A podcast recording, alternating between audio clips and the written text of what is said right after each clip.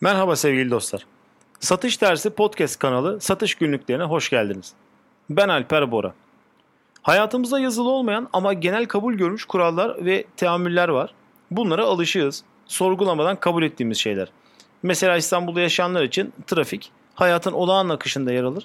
Hiç kimse tüh bugün trafiğe takıldık nereden çıktı bu demez. Bizim işlerde de benzer durum var. İşleri iyi giderken, satışlar yolundayken hiç kimse bize başvurmaz. Bu sene satışlarım çok iyi gitti. Ben bu performansını sürekli hale getirmek istiyorum. Önümüzdeki senelere de yaymak istiyorum demez. En azından benim yaşadığım ya da duyduğum böyle bir tecrübem olmadı.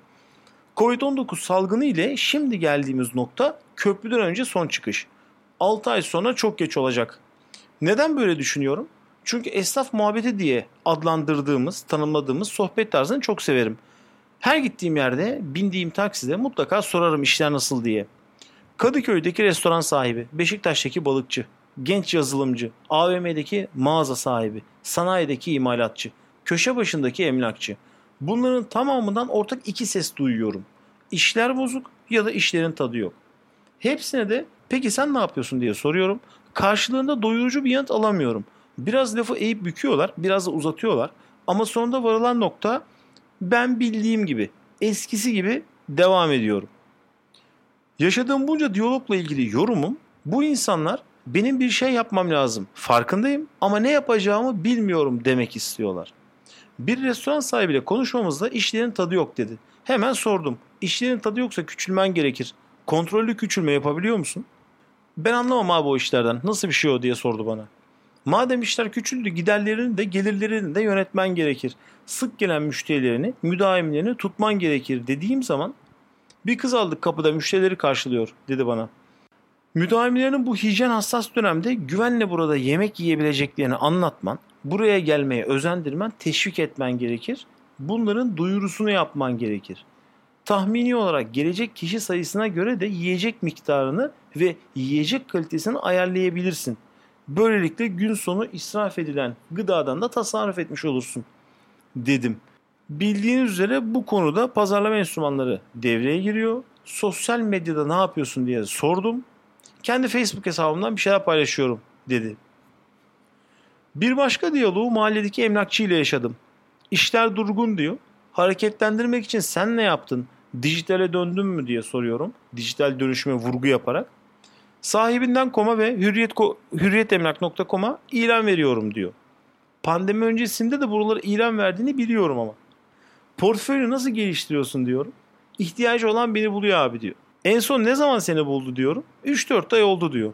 Ve işlerin tadı olmamasından şikayet ediyor. Bir diğer örnek AVM'de bir mağazası olan bir işveren. AVM yönetiminin kira konusundaki yaklaşımından ve devletimizin sağladığı kısa çalışma ödeneğinden memnun. Peki kendi yaptıklarından memnun musun diye soruyorum. Bir şekilde bu gemiyi yüzdüreceğiz diyor. Bir başka deyişle ben farklı bir şey yapmadım diyor. Bu örnekleri çoğaltmak mümkün çünkü her gün benzer diyalogları yaşıyorum. Bununla beraber olaya farklı bir bakış açısıyla yaklaşan sevindirici örnekler de var. Ve bunlardan bir tanesi paylaşmak istiyorum. Mahallemizdeki 5-6 bakkaldan bir tanesi. Pandemi sürecinde zincir mağazaların evlere servis hizmetini geliştirmesi diğer tüm bakkallar gibi onu da etkiledi. Bu bakkal durup beklemenin aksine pandemi sürecinde daha önce kendisinde olmayan sebze meyve bölümünü kurdu. Ve bunu bir ortaklık ile yaptı. Kelimenin tam anlamıyla kazan kazan formülü kurdular.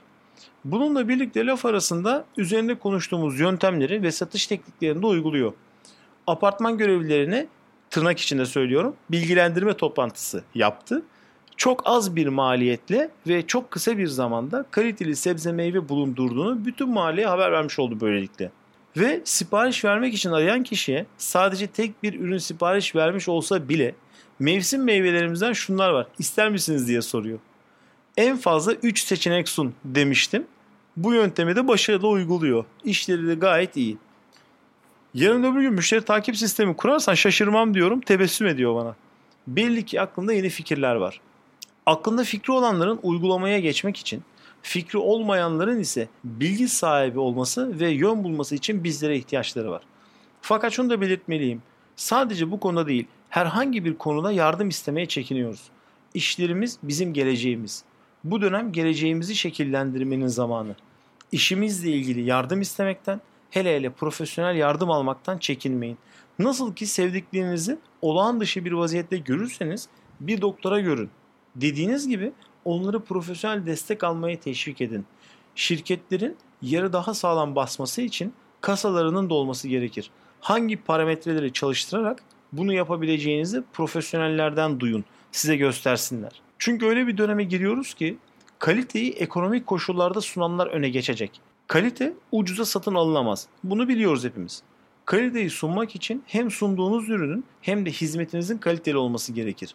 Ancak siz şu anda işinizle ilgili farklı bir adım atmazsanız 6 ay sonra kaliteli ürünü tedarik edebilecek ekonomik gücünüz kalmayacak. Şimdi harekete geçenler hem bilinir hem de rekabette önde olacak.